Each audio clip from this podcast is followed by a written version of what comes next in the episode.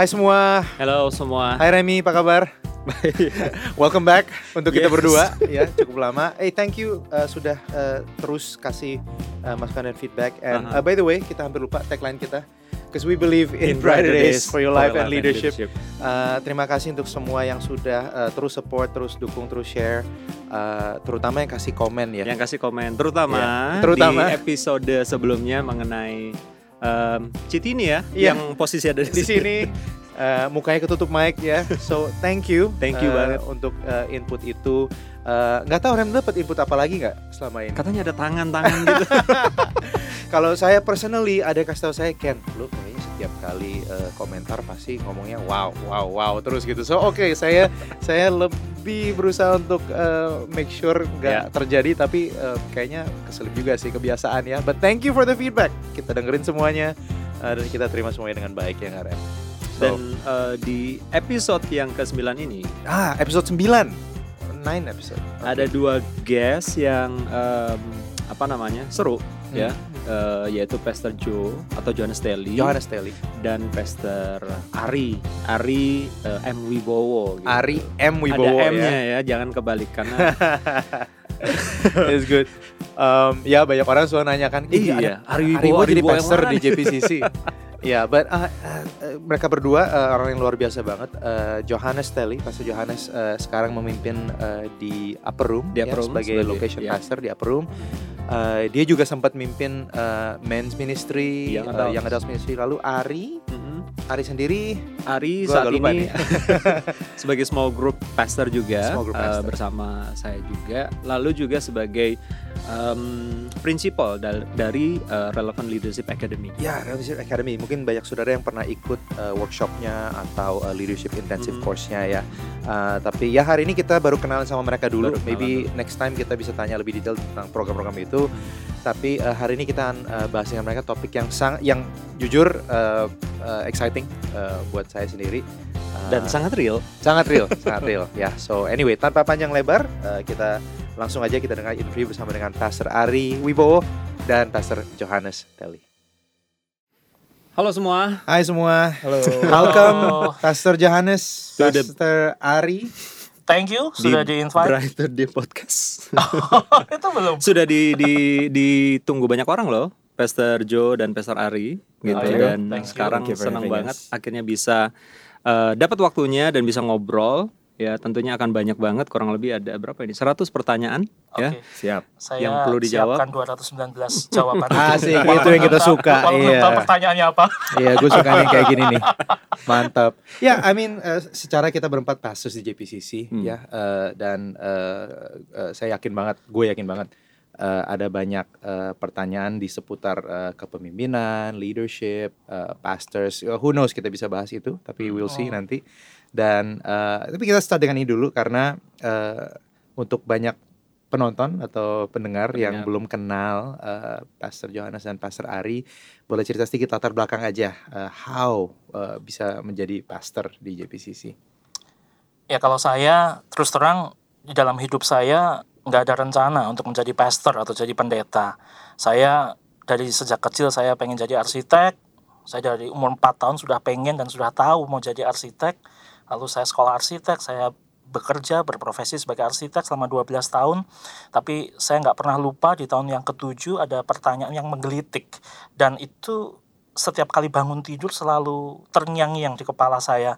Pertanyaannya adalah sebenarnya apakah ini life purpose saya? Apakah ini yang akan membawa saya kepada tujuan hidup saya yang sebenarnya? Sampai kemudian ada satu peristiwa yang membuat saya kemudian mengalami turning point di situ. Dan saya berani mengambil keputusan untuk meninggalkan profesi saya lalu masuk ke ke sebuah bidang yang baru di dalam kehidupan saya yaitu people development. Karena saya sangat tergila-gila gitu ya dengan people development. Saya paling kesel kalau ngelihat eh, anak-anak muda atau bahkan mereka yang sudah cukup dewasa tapi mereka tidak hidup menikmati apa yang menjadi kekuatan di dalam diri mereka dan mereka seperti hidup menjalankan rutinitas saja itu saya kesel banget gitu. Lalu kemudian saya masuk ke dunia tersebut dan lama-lama semakin dipertajam apa yang menjadi kegelisahan ilahi saya. Saya sangat gelisah dengan uh, sistem pendidikan yang kemudian tidak membawa orang-orang atau atau mereka-mereka ini ke dalam sebuah arah atau tujuan yang jelas. Hmm. Semua hanya di drill berdasarkan kurikulum, semua di, di hanya di berdasarkan oh, kamu boleh belajar ini, belajar itu tanpa pernah diarahkan untuk sebenarnya setiap orang itu kekuatannya apa dan mereka ini tujuannya ke mana. Hmm. Nah karena itulah kemudian saya berpikir ini kayaknya saya pengen jadi menteri pendidikan nih. Wow. Gitu. Wow. Kenapa bu? Oke. Bukan soal posisinya ya, Announcement.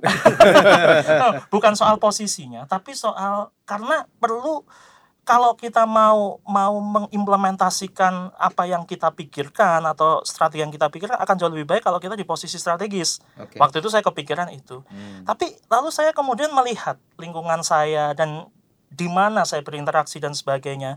Lalu kemudian ini yang yang Tuhan bukakan dalam hidup saya. Kalau saya pengen jadi menteri pendidikan itu baik. Tapi apakah pasti kejadian? Belum tentu.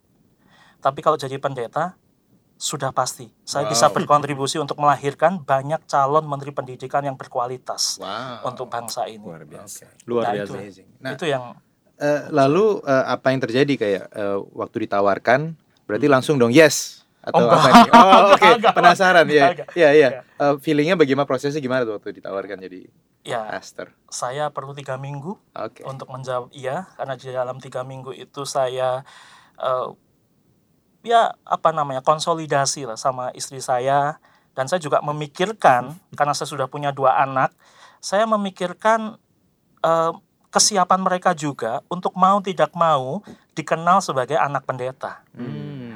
Jadi saya perlu mempersiapkan mental mereka. Saya perlu eh, kasih tahu mereka bukan supaya mereka kemudian jadi jaim, jadi berbeda, tapi supaya mereka tidak terbeban dengan itu semua dan tetap bisa menjadi dirinya apa adanya dan Oke. ya mencapai apa Hmm. yang Tuhan mau di dalam hidup mereka. Keren. Cool. Kalau Pastor Johannes brief history-nya bagaimana? Brief history, oke.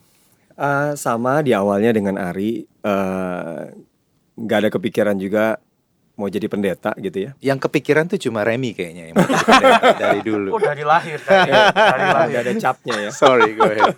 Sorry. Bahkan waktu em, SMP, seingat saya waktu SMP itu sempat berpikiran pengen jadi pemain bola basket NBA. Wih. Waduh. gitu loh karena memang dari kecil suka olahraga banget eh, dan memang waktu awal awalnya bulu tangkis memang waktu SD Eh, tapi waktu SMP eh, mulai suka bola basket sepak bola dan seterusnya tapi bola basket waktu itu karena tahun 90-an Michael Jordan lagi lagi in banget gitu ya Hmm. nah sempat terpikir pengen eh, punya cita-cita seperti itu tapi nggak kesampaian karena nggak bisa ke Amerika, nggak ada resources yang cukup gitu ya. Eh, waktu itu sih cita-citanya pengen jadi pemain Asia pertama lah gitu. Wow. Sebelum ada Yao Ming soalnya waktu itu. Wow. Tapi ternyata nggak kejadian. Eh, ya udah, terus tiba-tiba eh, ya proses kehidupan terjadi, sempat naik turun, bahkan sempat turun banget dalam kehidupan, sempat bandel, sempat bandel banget istilahnya. Eh, tiba-tiba ya ditemukan oleh Tuhan dan eh, bertobat di tahun 90 di akhir tahun 90-an.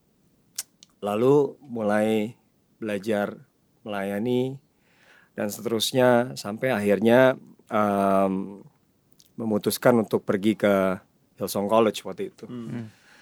Gitu. Terus eh, tapi sebenarnya kalau ngomong soal ke JPCC, datang ke JPCC itu udah dari tahun 99 bulan Desember. Oh, wow. Hmm. Ya, berapa Jadi, bulan setelah uh, launch ya? Iya, 99 bulan Desember. Em, ya la- waktu itu juga belum terlalu besar gereja kita. Belum terlalu besar itu maksudnya ratusan ya. Ya. Ya. Eh, terus karena yang yang ajak saya ke JPCC itu salah satu temen eh, dari eh, grup musiknya Sydney dulu Giving My Best. Oh ya, oke.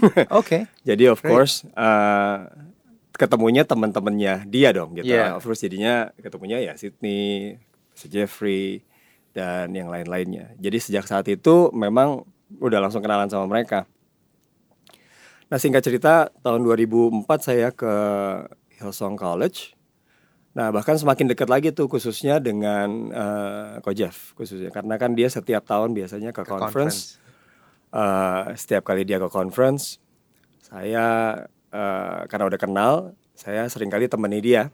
Jadi di situlah semakin kenal satu sama lain, ya, sama Pastor Yose juga, lalu sama yang lainnya juga. Wow. Uh, nah sejak saat itu uh, hubungannya jadi semakin dekat, saya semakin kenal mereka, saya semakin kenal what is JPCC all about, dan I think dari sisi satu laginya juga mereka semakin kenal saya. Belum ada keinginan, sempat ada keinginan untuk stay di sana waktu itu. Uh, maksudnya nggak mau balik waktu dua tahun pertama. Tapi tiba-tiba sempat balik ke Indonesia, Jakarta, lalu kalau kalian ingat juga sempat intern juga di kantor sebelum benar-benar masuk. I think intern itu yang membuat saya akhirnya tiba-tiba uh, hatinya tertinggal di sini, gitu ya. Siap. Karena pas balik ke pas balik lagi ke sana, tiba-tiba selalu keingetan Jakarta, selalu keingetan Indonesia. Kangen ya, terus. kangen ya. Emang sih kita kangen. Kangenin ngangenin. semua. Ya udah akhirnya di akhir uh, tahun pelajaran saya di sana, saya sempat kasih tahu uh, Ko Jeff bahwa saya decided untuk uh, kembali ke Jakarta ke Indonesia. Uh, lalu di situlah uh, terjadi pembicaraan di mana uh, ada tempat buat saya untuk saya bisa berkontribusi Hmm. di sini di gereja ini uh, dan akhirnya masuk jadi staff uh, tahun 2009 Um, kalau nggak salah diangkat jadi pastor itu tahun 2012 Hmm. saya lupa 2011 atau 2012 tapi if I'm not mistaken actually 2012 Januari ya Oke. awal kurang lebih seperti itu perjalanannya Good. Good. Hmm. Wow. there's a lot of other stories tapi ya mungkin nanti bisa Ya, of course. Of course. Itu separate interview masing-masing nanti di season yang berikutnya. season berikutnya. Nah, eh, Ken, eh, gua sama Pastor Ari ini punya cerita nih yang lumayan panjang gitu ya. Oke. Karena sebenarnya eh, saya sendiri adalah dead member atau anggota komsel dari Pastor Ari gitu. Oke. Hmm. Oke. Jadi em, menariknya adalah eh, kita itu punya relationship kayak apa ya? Kayak hampir di setiap musim kehidupan itu eh, Pastor Ari ada gitu. Nah, mungkin Pastor Ari bisa cerita gimana ceritanya waktu apa namanya awal-awal ya. Waktu kita masih satu-satu komsel gitu terus perjalanannya dan seterusnya. Ini official nih, kita sebut satu sama lain pastor-pastor semua nih. Udah Ari Jo. Iyalah sebut nama aja lah ya. Makanya. Ari aja deh. Iya, iya. Formal banget. Ari Ari aja deh. Iya, iya, iya. Gimana? Ri boleh boleh cerita karena itu menarik banget. Mungkin bisa jadi apa ya? Bisa jadi eh, apa? Inspirasi juga mungkin bisa Iya, jadi cerita ceritakan Remy dulu seperti apa. Iya. yang pasti waktu Remi pertama kali datang itu yang saya ingat rambutnya itu dan mukanya persis banget Hedi Yunus. luar biasa Terus dari Bandung pula gitu kan. Q Team Production nanti kita pasang foto mereka ya, Remy dan Hedi Yunus. Ya. Belum sekelimis ini. Oke. Ya, terus datang ya eh, saya waktu itu eh, apa namanya jadi tadi dibilang betul dead leader eh, dari eh, Remy. Lalu kemudian setelah itu eh, kita cocok karena kita punya kesamaan di dalam eh, interest di area people development dan pendidikan gitu. Jadi ngobrolnya cocok sampai kemudian eh, bersama Remy juga dulu eh, date kita itu dikenal date yang serius banget gitu.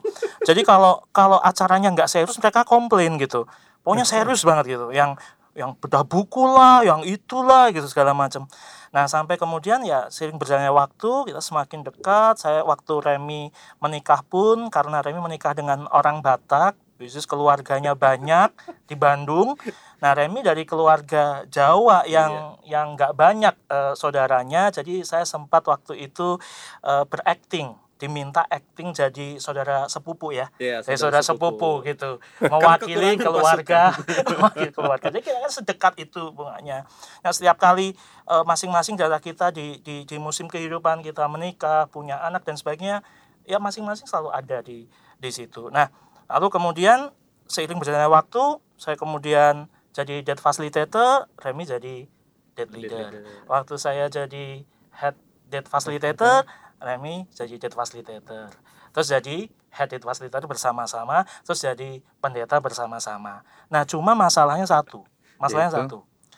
Kalau ini ibarat Yohanes Pembaptis dan Yesus saya nggak akan pernah jadi Yesusnya.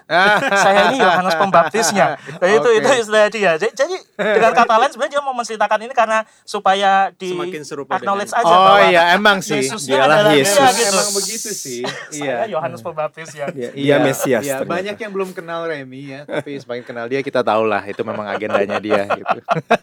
ya tapi basically itu menggambarkan bahwa sebenarnya eh, mau pendeta mau bukan pendeta saya rasa kita perlu orang lain di dalam Iya, kehidupan kita Iya, Iya. ya kita harus karena nggak ada pertumbuhan di dalam kesendirian saya Iya. pun juga eh, dipertajam sama Remy dan saya pun tahu di musim-musim tertentu saya mempertajam kehidupannya Ya, you know that's what I love tentang budaya eh, eh, apa namanya kepemimpinan dan volunteering di JPCC ya. Eh, apa saya sering ketemu orang-orang yang ngobrol kayak kok sepertinya gampang banget kalian shifting roles gitu ya. Kadang mungkin hari ini eh, apa eh, Remy bisa eh, di bawah pimpinannya Ari, lalu mungkin minggu depannya bisa switch gitu ya. Eh, tentu nggak semudah yang kita eh, dengar biasanya, cuma but it works in you know dalam tim kita it works karena saya yakin kita semua ini memang fokus kepada misi dan Yes. nilai yang kita Yes. lakukan, yang yang kita Yes. eh, percaya gitu ya. So so that's one thing good thing untuk kalian eh, bring up itu sih gitu. Mm-mm. So so ya ada cerita ini nggak lain aib aibnya Remy yang gue nanti Aib- aib itu nanti No, kita I'm just kidding, I'm just kidding. off the record aibnya bercanda bercanda I'm I'm just kidding Eh, tapi Joe Joe eh, Ya. pengen denger dong Joe eh, apa namanya eh, kan selama ini eh, banding kita semua sebenarnya Hmm. eh eh, lo tuh paling lama Hmm. eh, yang udah di staff ya eh, Ya. dan akhirnya mimpin dan lain-lain Hmm. Eh, what has been eh, the toughest challenge kalau bisa eh, share yang eh, singkat gitu maybe one or two points Hmm. seba- as a journey sebagai seorang leader sama pastor di JPCC Ya. Em, pertama mungkin ya yang namanya kita kerja sebagai em, pemimpin atau pastor atau gembala. Salah satu hal yang paling menantang adalah ya karena yang kita pimpin adalah manusia ya. Hmm. Orang-orang eh, yang diberikan atau dipercayakan Tuhan kepada kita untuk kita pimpin. Eh, jemaat juga yang diberikan kepada kita untuk kita gembalai. Ya namanya memimpin orang kadang-kadang kita nggak tahu reaksi mereka seperti apa, bagaimana mereka akan menjawab, bagaimana mereka akan meresponi gitu ya. I think salah satu yang menjadi proses untuk saya pribadi sebagai seorang pemimpin atau sebagai seorang pastor adalah ya kapasitas hati mau nggak mau setiap hari, setiap saat diperbesar. that's a good one Yeah. Eh, ya bagaimana kita respon, bagaimana kita meresponi sesuatu baik itu yang bagus maupun yang tidak bagus akan menentukan langkah kita ke depan. Semakin cepat kita sadar dan meresponinya dengan respon yang benar, semakin cepat Tuhan bawa kita untuk melangkah ke step yang berikutnya. Sama aja seperti seseorang anak kecil yang lagi mau eh, ujian, kalau dia nggak lulus ujian itu dia akan ketemu ujian yang sama terus.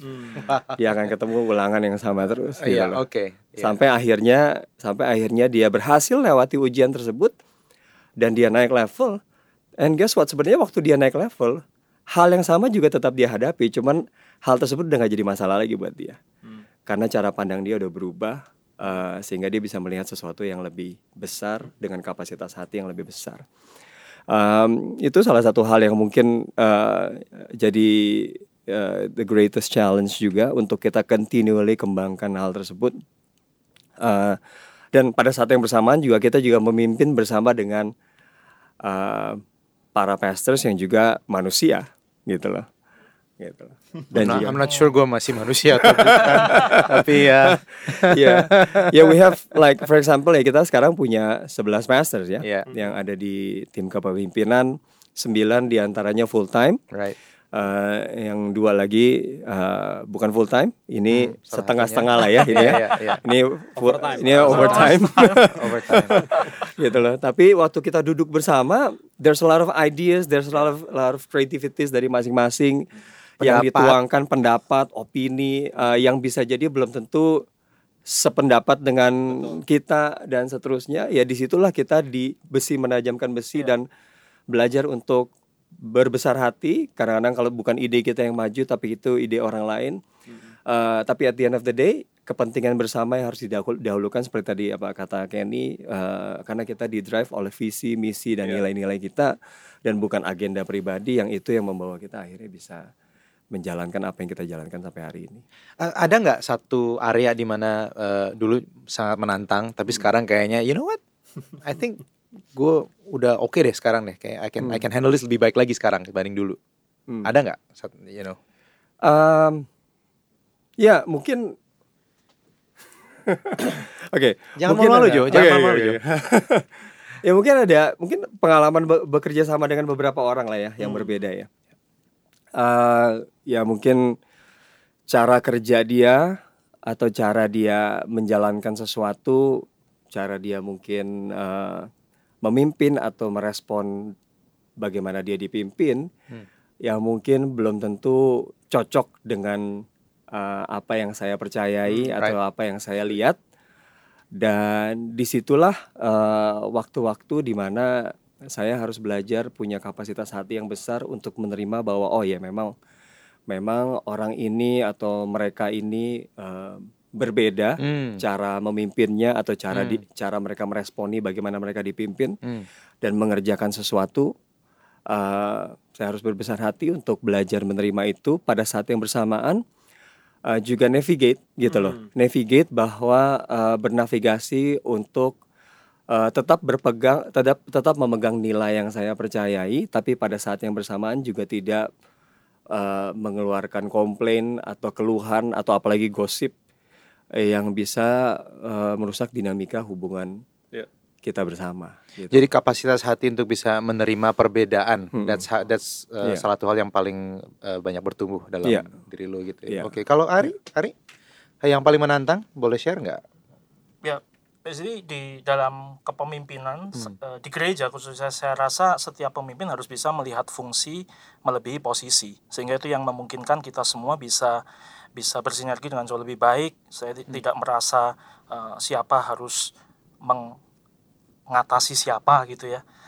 Eh, tapi menurut saya paling penting adalah bagaimana eh, kit- dalam mengatasi tantangan tersebut kita bisa keeping the balance antara grace and truth Hmm. Hmm. Hmm. Oke. karena ini yang sebenarnya membedakan kita dari marketplace dan seharusnya ini yang dibawa menjadi contoh di marketplace. Oke oke, nah ini, ini menarik. Jadi jadi oke, so uh, sorry ya kayak Hmm. ngekat gitu, tapi you said something yang langsung spark sesuatu gitu. Tapi uh, memanage tension antara, a balance antara grace Ya. dan dan truth. Karena ini yang beda dengan di marketplace. marketplace. Oke Ya. oke. karena Uh, kalau coba dijelaskan. nah tapi gitu. selama ini yang jadi jadi uh, tension atau jadi gap antara marketplace dengan gereja. Hmm. Gereja dikenal begitu sangat gracious gitu ya. Hmm. Semua grace, nggak apa-apa, nggak apa-apa, nggak apa-apa, nggak Ya. ada SOP, nggak ada eh, apa namanya ini kan indikator gereja. keberhasilan. Ya. Apa ini kan gereja, pelayanan dan Ya. sebagainya. Pada akhirnya kemudian menghasilkan kualitas eh, pekerjaan yang yang selalu di bawah dari marketplace. Right. Sementara marketplace tidak mengenal grace ya. grace karena semuanya based on truth, semuanya sudah ada SOP, semuanya ada rulesnya. Ya kalau kamu nggak perform ya SP1, SP2, SP3 pecat gitu. Wow. Nah, menurut saya kepemimpinan gereja seharusnya bisa bisa keeping the balance dalam hal ini. Oke. Jadi eh, ya itu yang membuat sebenarnya gereja kemudian bisa menjadi contoh dan menjadi role model bagi eh, marketplace bagaimana kita bisa menerapkan truth tapi memastikan bahwa sebelum menerapkan truth tersebut Mm-mm. kita sudah melakukan atau memberikan grace terlebih dahulu. Hmm. Contoh implementasi yang paling sederhana adalah misalnya kalau memang dia harus berhenti karena nggak perform dan tempatnya nggak tepat dan sebagainya, apalagi kalau berurusan dengan masalah eh, karakter dan sebagainya dan eh, atau out of eh, apa namanya eh, conduct gitu ya, Ya. ya mestinya berhenti. Tetapi pertanyaannya adalah sebelum kita memperlakukan itu, apakah kita sudah pernah eh, develop dia? Wow. apakah kita sudah pernah eh, membantu dia sedemikian rupa, menggembalakan dia sedemikian rupa itu yang saya sebut grace, untuk kemudian pada waktu menerapkan hal tersebut itu menjadi sesuatu yang fair buat dia. Itu tantangan terbesar, grace and truth. Itu tantangan itu terbesar, ya. tantangan terbesar supaya nggak terlalu ekstrim di grace atau ekstrim di truth. Ada contoh nggak? Ada contoh nggak? Ya di dalam pelayanan misalnya ya, yang paling sederhana, paling sering terjadi. Kalau ada leader yang misalnya melakukan sebuah kesalahan, Hmm. rules kita bicara bahwa ya dia seharusnya berhenti dari dari dari posisinya atau dari dari fungsinya sebagai pemimpin. Tapi kemudian eh, biasanya saya akan temui dia terlebih dahulu dan kemudian saya tanya sama dia eh, biasanya saya tanya gini, saya mendengar hal ini tentang kamu. Saya berharap itu bukan sesuatu yang benar. Tapi kalaupun itu benar, apa yang saya bisa bantu? Hmm. Nah waktu dia bilang, ya saya ngerti. Rulesnya ngomong bahwa saya harus ini. Nah maksud saya ini saya juga mau mengundurkan diri. Tapi saya kemudian tanya balik, kalau kamu mengundurkan diri, apakah itu membuat hidupmu jauh lebih baik atau tidak? Hmm. Apakah kamu kemudian memastikan untuk tidak hilang dari komunitas ini atau tidak? Hmm. Enggak. Kalau gitu, saya boleh nggak tawarkan kamu? Kamu nggak usah mundur, tapi kamu lebih sering ketemu saya aja dalam beberapa waktu ke depan. Itu menurut saya salah satu implementasi yang kita bisa lakukan. Jadi nggak cuma extreme di truth, ataupun kita kemudian extreme di grace. Kan firman Tuhan juga, Yesus juga bilang sama perempuan yang ketahuan berbuat zina, dia bilang, Iya. pergilah dan jangan berbuat dosa lagi. Iya. Dia nggak bilang, pergi karena kamu sudah bikin dosa. Enggak. Pergilah dulu dan jangan berbuat dosa lagi. Makanya sering ketemuan. Alright, um, berikutnya tadi kan Ari ngomongin soal grace ya. Tadi Oh. kita keep the balance antara grace and truth. Ya. Mona sama Jo nih, gimana caranya kita eh, ngomong soal truthnya nih kepada Hmm. siapa pun yang kita pimpin? Hmm. Karena nggak gampang juga kan di gereja buat ngomong truth. Karena Hmm. kebanyakan yang ada di gereja ada volunteers. Memang Hmm. ada staff juga, tapi kebanyakan Iya. volunteers. Nah, Hmm. menurut Jo gimana? Kira-kira untuk apply truth di eh, apa namanya di gereja gitu? Pertama-tama saya rasa harusnya nggak perlu dibedain ya antara grace and truth. Maksudnya oh ya ini grace lalu ini truth. Uh, I think grace and truth harusnya bisa selalu berkolaborasi bersama-sama, bekerja sama. Baik dalam waktu truth perlu disampaikan harusnya disampaikan dengan grace, tapi juga pada saat yang bersamaan waktu kita mengimplementasikan grace harus dengan truth. Karena kalau grace yang terlalu ekstrim Mm-mm. akan membuat seseorang menganggap hidupnya itu uh, sembarangan. Hmm. Gitu Ya. loh. Mereka jadi nggak menghargai kasih karunia yang sesungguhnya yang mereka terima. Hmm. Uh, bahwa kehidupan kasih uh, kebebasan atau kemerdekaan yang mereka terima melalui kasih karunia Hmm. justru ada batasannya. Batasannya itu justru yang menjaga mereka supaya mereka tetap hidup dalam kemerdekaan tersebut. Batasan itu namanya truth. Hmm. Gitu loh. Nah, tapi pada saat bersamaan kalau kita cuma mikirin batasannya doang, Mm-mm. tidak ada grace, maka batasan itu akan ber- berubah menjadi sesuatu yang sifatnya legalistik. Hmm. Gitu, terus jadi peraturan, jadi perundang-undangan yang seakan-akan hidup ini cuma tentang kewajiban. Gitu loh, dan hak gitu loh, tapi tidak ada sesuatu dinamika yang hidup di dalamnya. Nah, di dalam kehidupan pelayanan atau gereja eh, juga itu yang kita harusnya terlebih lagi kerjakan. Waktu kita harus menyampaikan SOP, waktu kita harus menyampaikan eh, aturan mainnya seperti apa, ya seperti yang tadi sebenarnya sempat diceritakan oleh Pastor Ari, kita harus sampaikan itu, tapi pada saat yang bersamaan kita harus ngerti kenapa kita sampaikan itu. Hmm. Karena semua truth, semua aturan yang kita buat atau bahkan lebih lagi setiap firman Tuhan yang disampaikan, yang ditulis di dalam Alkitab maupun yang yang kita dengar melalui pewahyuan atau uh, semacamnya, itu sebenarnya diberikan kepada kita untuk kepentingan kita, gitu loh, Hmm. bukan untuk kepentingan uh, uh, Tuhan aja sebenarnya, tapi untuk bagaimana Tuhan punya hati untuk membangun kita. Nah demikian juga harusnya kita lakukan itu kepada sesama. Hmm. Itu waktu kita sampaikan the truth, kita harus punya hati untuk bisa uh, mengetahui kenapa, menjelaskan juga kenapa truth ini kita sampaikan. Dan kalau mereka melakukan sesuatu yang tidak sesuai dengan aturan mainnya, tidak sesuai dengan peraturannya, maka kita juga harus harus cari tahu cerita di balik kenapa Hmm. Hmm. gitu loh. Karena pasti ada alasannya kenapa dia melakukan hal tersebut. Hmm. Nggak mungkin apalagi kalau dia volunteers, apalagi kalau dia pemimpin, nggak mungkin dia melakukannya karena dia pengen berniat jahat, gitu loh. Ya bukan dibilang nggak mungkin sekali sih, mungkin bisa jadi aja ada gitu ya. Tapi kemungkinan sangat kecil sekali. Tapi biasanya dia melakukan itu karena terpaksa, karena nggak tahu, karena nggak tahu bagaimana cara handle ini. Nah di situlah kita harusnya sebagai pemimpin ada untuk memfasilitasi hal tersebut. Apa yang saya bisa bantu? Uh, how can I support you? How can I develop you? Hmm. Seperti tadi uh, pakai istilahnya Pak uh, Ari. Hmm. Ya, how can I help you? Bagaimana saya bisa support kamu? Uh, saya bisa berdoa buat kamu, saya bisa hadir di dalam kehidupan kamu dan seterusnya. Uh, I guess itu yang jauh lebih penting karena kalau kita cuma sampaikan peraturannya saja, aturan mainnya saja, maka yang terjadi cuma hubungan yang transaksional Ah. gitu loh. Ya. Tapi yang kita perlukan adalah adalah hubungan Oke. yang lebih daripada cuma seperti itu. So, so I guess uh, dari apa yang tadi Job uh, katakan, uh, mungkin kita harus ubah bahasa sedikit ya. Jadi kayak uh, bukan soal balance grace and truth, tapi justru harus dua-duanya. Harus Iya. dua-duanya. harus full on 100% harus ada grace harus ada truth saat kita mimpin tim karena ini ini this is real Iya. ini di lapangan setiap hari minggu Iya. ini yang dialami oleh semua pemimpin departemen Betul, right. terutama di gereja ya it's so hard karena Betul. Iya. seperti yang tadi kalian katakan ini kan Betul. volunteers Di Komsel juga. Ya, ah, ya itu emang- juga sama gitu kan. Ini kan volunteers, ini mereka nggak digaji Betul. mungkin.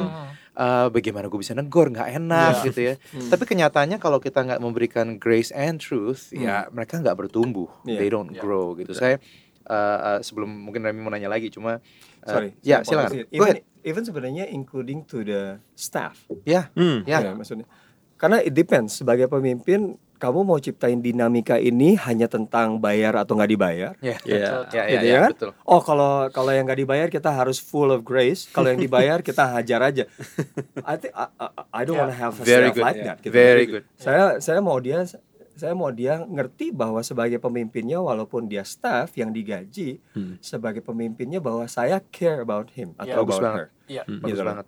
Karena kalau karena begitu seseorang merasa dirinya dipedulikan, Hmm. diperhatikan, dia akan lebih memberikannya dengan tulus hati, Bagus Ya, banget. dengan ya. sepenuh hati. Instead of cuman mikir, oh ya kan saya lakukan ini karena saya dibayar. Iya. Menurut saya itu bahkan mental yang paling bawah sebetulnya. Mm-mm. Truth. Gitu. Tuh, bener banget. Karena eh, tadi cuma mention aja bahwa barusan aja beberapa minggu lalu eh, sempat baca buku dari eh, Dr. Henry Cloud ya Hmm. tentang eh, dia bahas tentang how people grow Hmm. Eh, dan dia bilang sebenarnya ada tiga ingredient gitu Hmm. Eh, grace, truth. Grace dia ngomong eh, is relational part. Hmm. Tadi kita Iya. bilangnya soal Iya. hubungan. Hubungan. Truth bicara soal structural part Ya. gitu. Jadi eh, prinsip, kebenaran ya kan. Eh, So ada relational structural. Lalu dibilang ada ingredient ketiga yaitu time. Hmm. Grace, truth, and time. Hmm. Butuh waktu untuk grace and truth bisa bekerja dalam hidup seseorang. Hmm. Karena sering kali di gereja orang tuh terlalu cepet ya. Hmm. Kayak lu baru masuk hari ini, gue expect lu besok berubah. Iya. Gitu. Oh karena you know di jamaah Tuhan gitu Iya, kan langsung iya. berubah. Enggak seperti itu. Yes, gitu. exactly. So, ya. Kalau eh, tadi kita belajar prinsipnya ya bahwa kita harus sama-sama eh, bisa memimpin atau bisa melayani eh, bekerja juga dengan full of grace and truth. Bisa dikasih tips nggak? Beberapa hal mungkin yang lebih apa ya, lebih bisa dilakukan gitu Great. aplikasinya sehingga siapa pun yang mendengar ini bisa tahu oh oke eh, apa namanya misalnya ada seseorang yang saya kayaknya grace banget nih gitu. Hmm. Terlalu baik sama semua orang. Ya, betul. Jadi semua orang senang sama saya tapi nggak ada em, pertumbuhan di ministry yang saya pimpin, komsel yang saya pimpin gitu. Karena semuanya kayaknya kok jadi kayak seenaknya gitu. Saya juga jadi segan untuk eh, mengingatkan. Tapi ada juga mungkin yang merasa saya ini kayaknya turut banget nih. Semuanya orang takut sama saya. Semua- walaupun memang orang bilang wah ini ministerinya maju, komselnya bagus dan sebagainya, tapi kok kayaknya orang-orang takut segan sama saya. Nah, boleh dikasih tips nggak dari Joe atau dari Ari eh, mengenai bagaimana kita bisa full of grace dan full of truth juga. Joe Ya, dulu mungkin. Ya, Oh, Joe dulu. saya dulu. Oke. Ya, ya. Kalau saya yang kepikir sekarang adalah yang paling pertama on the top of my mind, saya selalu mencoba untuk mengingat kembali dan nggak mau melupakan dan kalau bisa jangan pernah melupakan apa yang Tuhan lakukan pada saya, Hmm. gitu loh. I mean like tadi saya sempat mention sedikit saya sempat bandel, bahkan sempat bandel banget. Saya ini sebenarnya nggak layak terima kehidupan yang Hmm. harusnya saya terima sekarang. Kalau ngomong-ngomong cuma cuma soal truth doang harusnya saya nggak ada di sini harusnya saya eh, ya ada di jauh daripada kehidupan seperti yang saya miliki tapi hari ini saya di, ada di sini karena kasih karunia Tuhan yang mengampuni dosa saya dan tidak mengingat-ingat lagi Hmm. tapi pada saat yang bersamaan justru pengampunannya dia kebaikannya dia itu Hmm. Yang membuat saya jadi pengen Hmm. hidup di dalam kebenaran Hmm. jadi pengen memperhatikan hidup saya supaya saya tidak melangkah That's salah powerful. lagi That's good. That's Very powerful. good. karena menurut Powerful. saya harusnya grace and truth disampaikan dengan cara seperti itu. Hmm. Bukan kamu harus jadi baik karena kamu orang Kristen. Hmm. No, kamu harus jadi baik karena kamu telah menerima kebaikan Tuhan. Wow. Hmm. Gitu loh. Karena kebaikan Tuhan itu yang membuat kamu sadar siapa diri kamu sebenarnya Hmm, bahwa hmm, kamu hmm. dikasihi, bahwa kamu ini punya identitas, Hmm. gitu loh. Karena sering kali orang berbuat seenaknya dalam kehidupan dia, pribadi maupun di dalam pekerjaannya di dalam apa pun yang dia lakukan karena dia nggak kenal dirinya siapa Hmm. karena dia nggak tahu bahwa dia dikasihi Hmm. karena dia nggak tahu bahwa ada yang peduli sama dia akhirnya dia pikir ya udahlah saya berbuat seenaknya saja tapi begitu saya kembali mengingat bahwa saya pun product of grace. Sehingga karena grace yang telah saya terima saya pengen hidup di dalam truth. Hmm. saya pengen hidup di dalam kebenaran. Karena itu sebabnya kenapa grace and truth penting? Karena saling berhubungan satu sama lain. Kenapa kita perlu terima grace supaya kita, bisa hidup di dalam kebenaran? Pada saat yang bersamaan waktu kita hidup di dalam kebenaran kita pun sedang mempraktikkan grace kepada orang lain juga di dalam kehidupan kita itu sih kalau saya dari saya mungkin So lebih le- eh, lebih ingat where I came from. Yes. Yes. Gitu karena Yes. saya pun menjadi resipien Hmm. penerima grace and truth dan saya harus extend ke orang lain saat saya Iya. pimpin juga. saya pun saya pun pernah ada dalam posisi di mana saya nggak tahu seperti dia Hmm. saya nggak tahu ini harus gimana makanya saya belajar Great. gitu. Tapi bagaimana saya bisa belajar kalau orang yang di atas saya nggak mau ngajarin, cuma cuma pikirnya oh kalau nggak bisa dihukum, kalau nggak bisa keluar atau apa. Hmm. Ya. Tapi justru waktu saya di extend that kind of grace itu Yeah. membuat saya jadi bertumbuh. Saya ini harusnya nggak apa nggak nggak bisa begini eh tapi karena dia willing untuk come down and then take me in, ajari saya, kasih contoh. Itu bahkan lebih penting lagi tuh. Bukan cuma ajari tapi kasih contoh, jadi teladan. Gitu loh buat This is where tadi yang Iya. lu bilang tentang uh, studious memperbesar kapasitas hati lu Iya. di sini justru Iya. ya. Iya, that's Eh, great. kalau kalau Tuhan aja sabar sama saya, kenapa saya nggak sabar sama orang? Iya, iya, Gitu loh. iya, iya. Kalau Ari? saya harus mengakui ngaku nih saya ini ini dalam konteks kepemimpinan ya Iya, saya iya, ini yang kecenderungan grace-nya rada gede gitu Oke. Gitu. dan Iya, iya. Dan kita bisa confirm itu kok. Iya. Nah, eh, cuma saya apa yang selalu saya ingatkan pada diri saya selalu tadi yang seperti Kenny bilang, eh, misi adalah yang paling penting. Jadi the why adalah yang paling penting. Jadi saya selalu berpikir gini, betul pertama saya harus karena buat saya grace selalu mendahului truth. Saya tidak akan eh, apa namanya sampaikan truthnya terlebih dahulu kalau saya belum menunjukkan grace kepada Wow. dia. Karena tadi seperti yang dikatakan eh, Johannes bahwa saya pun produk dari kasih karunia Right. gitu. Iya. Ya. Jadi itu yang saya lakukan. Nah, eh, tapi karena saya kecenderungannya tadi seperti pengakuan saya saya ini grace-nya terlalu besar, berarti ada area yang saya harus eh, build lebih baik di dalam hidup saya dalam kepemimpinan yaitu di area truth. Nah, itu saya lakukan dengan pertama, saya selalu di dalam mengambil keputusan apa pun, saya tidak akan mengambil keputusan sebelum saya benar-benar uh, firm dengan the why kenapa ini harus saya lakukan. Saya betul harus harus tahu the why-nya karena apa? Karena itu yang perlu saya jelaskan kepada uh, apa namanya uh, orang yang bersangkutan Betul. the why kenapa saya mengambil keputusan ini. Hmm. Nah, saya harus firm dengan itu. Nah, lalu yang kedua yang saya lakukan adalah bahwa saya selalu mengatakan bahwa ini nggak ada kepentingannya buat saya, nggak ada kepentingannya buat JPCC, nggak ada kepentingannya buat siapa pun. Ini kepentingan buat kamu. Ini dilakukan bukan untuk membantu saya, ini dilakukan untuk membantu kamu. Mungkin hari ini kamu nggak ngerti, tapi makanya kalau semakin sering kamu ketemu, sering apa namanya kamu sering ketemu saya, kamu akan semakin ngerti tentang hal ini. Makanya kalaupun kamu harus mundur, kamu harus eh, berhenti dan sebagainya, betul secara transaksional berhenti nih. Hmm. Karena kamu harus menanggung konsekuensi itu. Hmm. Tapi secara transformasional hubungan kita nggak berhenti. Wow. Itu yang yang saya selalu ingatkan kepada diri saya sendiri bahwa saya harus bisa memimpin dengan cara seperti itu. Bahwa truth yang saya berikan kepada atau saya sampaikan kepada dia itu bukan untuk kepentingan saya, tapi saya harus menunjukkan impresi sedemikian rupa bahwa ini kepentingan untuk membantu kamu. Wow. Hmm. Dan akibatnya tadi seperti yang Kenny katakan, time Ya. Ya. menjadi konsekuensi buat saya. Ya. Untuk saya harus bertanggung jawab memberikan waktu kepada dia. Getting real nih ya, getting real nih ya. Hmm. Uh, what if ada yang bertanya begini kayak uh, Pastor uh, Joe, Ari, saya udah deal dengan orang ini udah lama banget nih. Udah grace and truth 100%, Mhm. tapi dia tetap aja gitu, nggak berubah, nggak grow. Bagaimana kan respon terhadap itu? Saya cuman gini aja ya kalau dari, Ini dari- real nih, getting real ya, real. Iya, ya, karena pasti banyak yang ngalamin juga. Ya. Yang pertama saya harus ngaku bahwa itu nggak mudah. Iya. Tapi ya getting real ya. Iya. saya cuman berpikir gini apa jadinya kalau Tuhan menyerah sama saya Hmm. apa jadinya saya kalau Tuhan menyerah sama saya Hmm. that's it itu aja makanya tadi konsekuensinya waktu kita waktu saya memperlakukan uh, grace and truth saya belajar memperlakukan itu konsekuensinya adalah saya harus bertanggung jawab dengan waktu yang saya berikan kepada dia Hmm.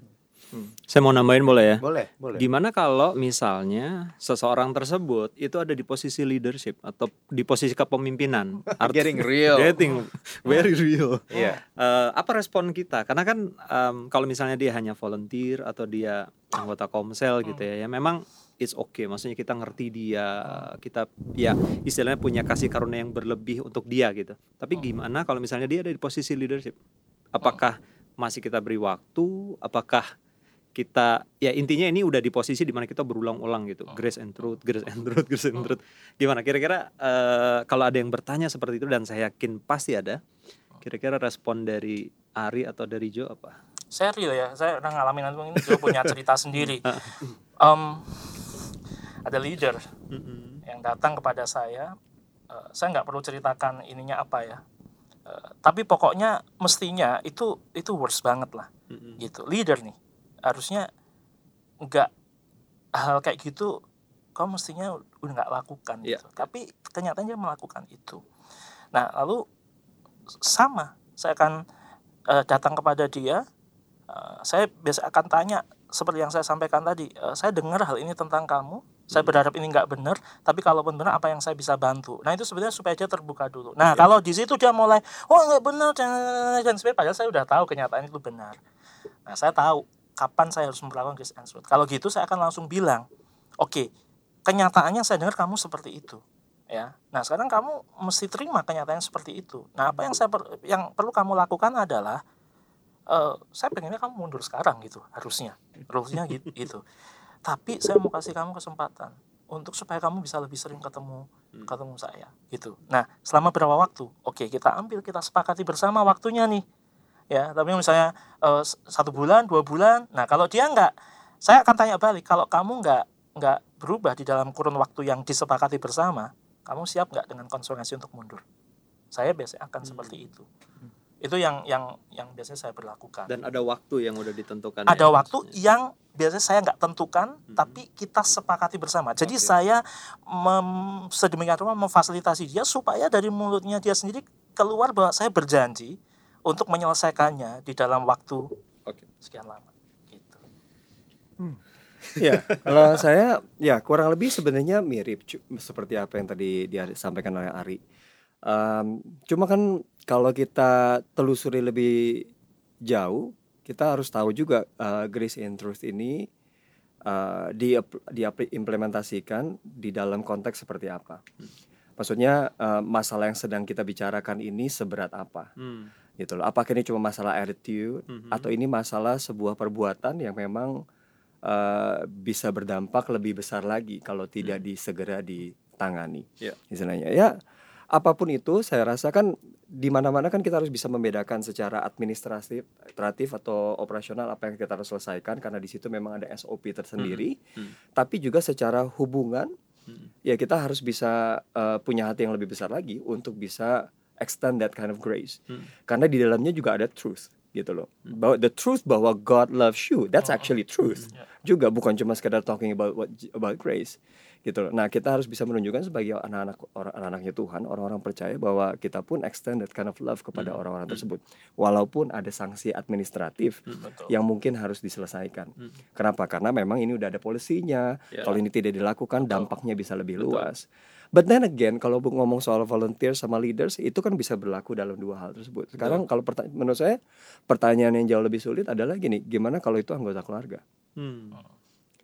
Ya gimana tuh? Kan enggak, I mean like, kan Ya. nggak bisa dipecat anggota keluarga. Oke, mulai hari ini kamu nggak jadi anak saya lagi.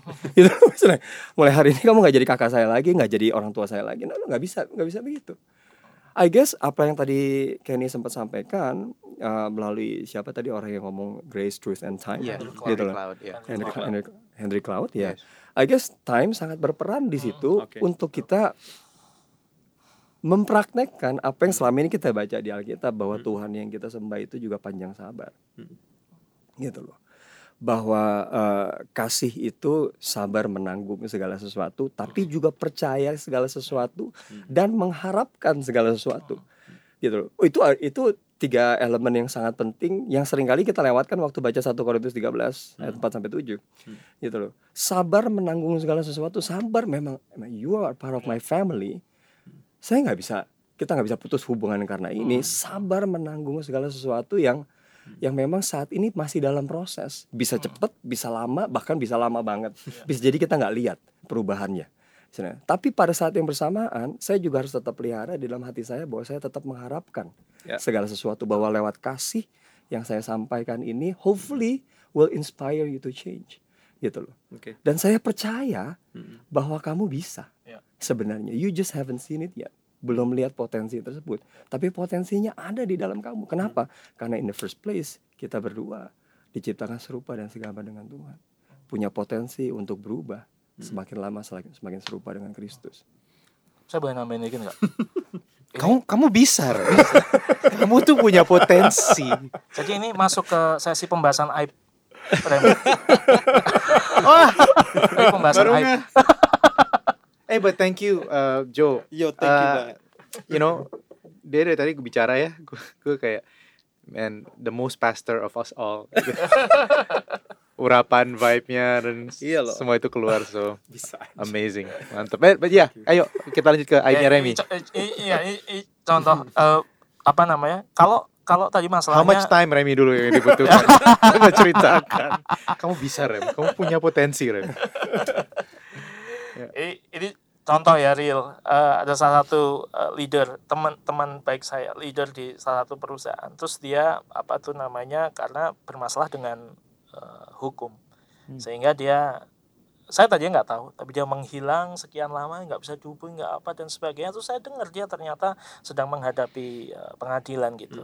Saya cari saya cari saya akhirnya ketemu di salah satu eh, apa pengadilan ya di jam dia sebelum di pengadilan kan dia di, masuk di tahanan dulu tuh. Jadi di Mm, itu itu pengen nangis banget sih di apa di jeruji gitu Mm, kan. mm. terus saya lihat datang ke sana dia kaget ya. Oh kamu bisa? Temu saya cari saya dan saya, ya saya cari kamu gitu. Oh. Dia nangis dia bilang aku tuh nggak layak. Kamu mestinya nggak perlu datang ke sini saya saya. Wow. saya bilang cuman gini eh saya datang ke sini bukan untuk jadi hakim loh kamu punya persoalan yang kamu harus selesaikan dan pertanggungjawabkan itu adalah konsekuensi yang harus kamu pertanggungjawabkan dengan pengadilan dengan hukum. Ya. tapi saya datang ke sini bukan sebagai hakim hakimnya nanti itu di pengadilan ada hakim. Saya datang ke sini sebagai bagian dari anggota keluarga kamu. Saya datang untuk mensupport kamu bukan mensupport kesalahan kamu tapi saya datang untuk supaya kamu tahu bahwa ada orang yang mendoakan kamu kamu nggak sendirian waktu kamu harus mempertanggungjawabkan kesalahan kamu Hmm. menurut saya itu yang harus dan saya mendidik diri saya dan itu perlu waktu Yap. itu yang menurut saya itu satu momen yang saya nggak pernah lupakan dalam hidup saya Loh, ini bukan Remy kan? Karena tadi gue siap-siap mendengar hype-nya Remy. tadi saya mau kasih kode I didn't No, know that. good. Yeah. Remy, something you're not telling us, Remy. wow. ternyata berapa tahun yang Menarik, lalu eh, Iya, iya. menarik banget em, pembahasan atau eh, apa yang kita bahas ya tentang kasih karunia. Kebenaran tadi kan Jo kasih ayat, saya juga mau kasih ayat boleh? Boleh dong, Pastor.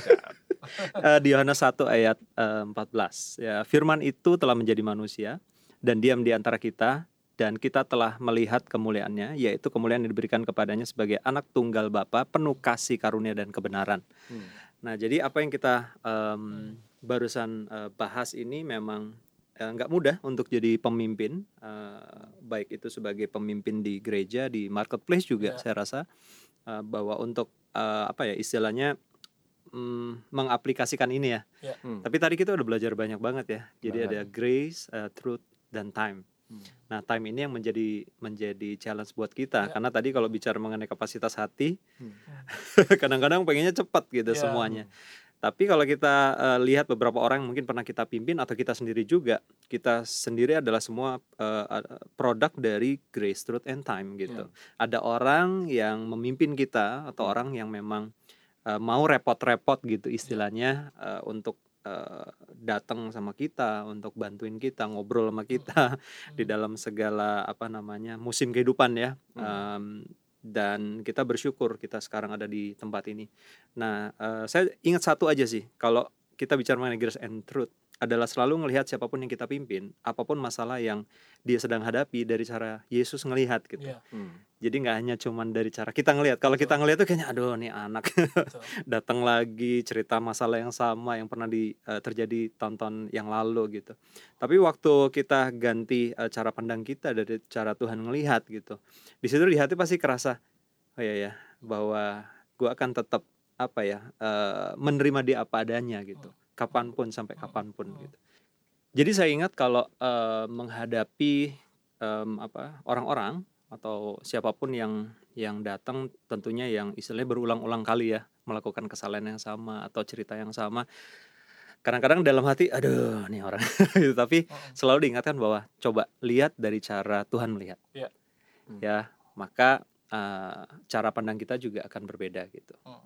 dan justru itu menurut saya yang banyak dicari orang Hmm. ya untuk bisa kehidupannya diterima apa adanya bukan ada apanya Ya, gue cuma kepikiran ini sih eh, apa dari tadi ya. Eh, I think as leaders, eh, mungkin saudara yang mendengar juga atau nonton di departemen dan gereja, kita kita kan punya tugas. Kita mau melakukan tugas, kita mau bangun program lah, eh maksudnya kita mau jalin program, gitu, semua dan sering kali eh, dalam kit, upaya kita mau berhasil, kita tuh selalu cari orang yang udah jadi ada ekspektasi kita cari orang yang udah bisa dan udah jadi ya saya sebut ini mental audisi gitu nothing wrong dengan audisi ya tapi kita harus ingat eh, seperti yang Kojaf eh, selalu ingetin kita Iya. bahwa gereja itu ada bu- untuk bangun manusia Betul. bukan manusia Bukan- buat gereja tapi gereja buat manusia Yes. jadi Hmm. eh, I guess as church leaders kita harus punya ekspektasi bahwa orang yang kita terima ini masih mentah Hmm. Dan justru kita ada di sini untuk bantu mereka grow Ya, and ya. that's where kita harus manage the gra- grace and truth dan time gitu sama-sama Yes. dengan mereka gitu Ya. kan so I'm thinking kalau kita bisa set ekspektasi yang benar bahwa hey gua tahu bahwa mereka ini belum jadi Ya. Hmm. Hmm. gitu dan justru tugas gue di sini as leaders as pastors adalah untuk bantu mereka nih Hmm. through grace and truth and time untuk mereka bisa bertumbuh Yes. Uh, dan that's how kita menggunakan pelayanan untuk bantu orang lain gitu Iya. kan so I I just kepikiran itu aja gitu but I think uh, waktu sudah ya uh, habis Udah begitu aja. Uh, quick thing aja deh sebagai closing deh Hmm. sebagai closing dari masing-masing uh, apa uh, Pastor Johannes dan Pastor Ari Um, tadinya pengen kerjain tapi nggak jadi Makanya satu pakai bahasa Jawa, Nah, satu iya baru gue mau bilang gitu kan Ah, ah, gitu Satu pakai bahasa. Iya, jadi gini, jadi di setiap pastors eh, eh, kita minta closing untuk kayak Pastor Yose, kita ngomong tagline eh, podcast ini dengan eh, bahasa Jerman, Jerman. bahasa Belanda Hmm. gitu. Nah, gua nggak tahu kalian tahu bahasa apa lagi selain Indonesia dan Inggris, ya. Eh, Bahasa Jawa. Kira-kira bisa nggak? Bahasa roh. Ya sebutkan, ya kan? Coba aja, siapa tahu gitu. Eh, we believe in brighter days for your life and leadership. You wanna take the challenge? We Nggak believe apa-apa. apa? We brighter believe. days for your life and leadership. Brighter percaya hari lebih cerah untuk hidup dan ya. Sebentar ya. Bahasa Jawa ya. Jo mau coba bahasa apa? Enggak tahu bahasa. ya udah kita coba hari deh. Hari, hari, hari. Nah, hari ayo hari, hari.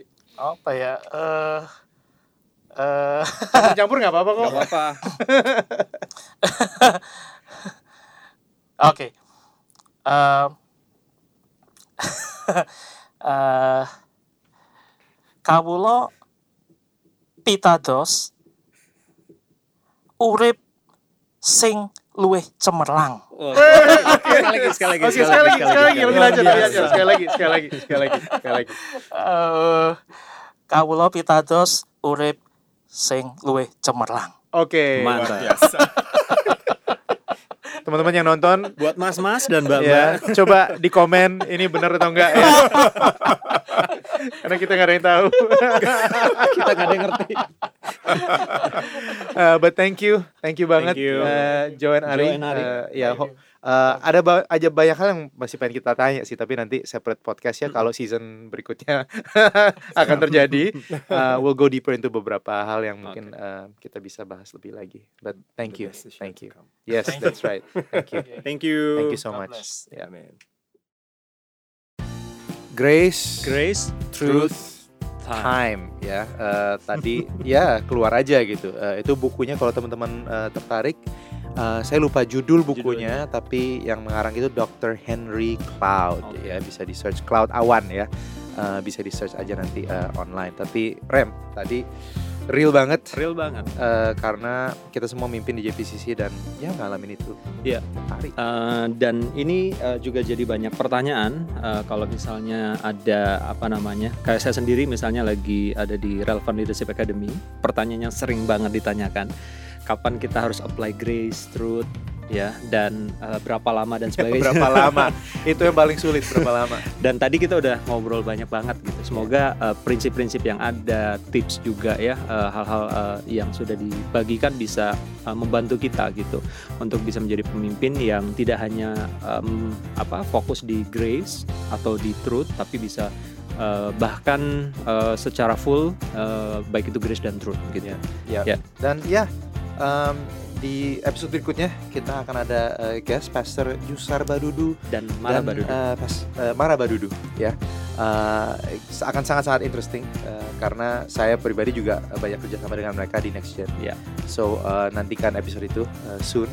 Eh, in the meantime jangan lupa untuk eh, comment, like, subscribe eh, ke channel ini atau share ke teman-teman semua yang mungkin eh, ya akan diberkati dengan apa yang kita bagikan. So once again thank you so much ya thank you dan sampai ketemu di episode berikutnya God bless.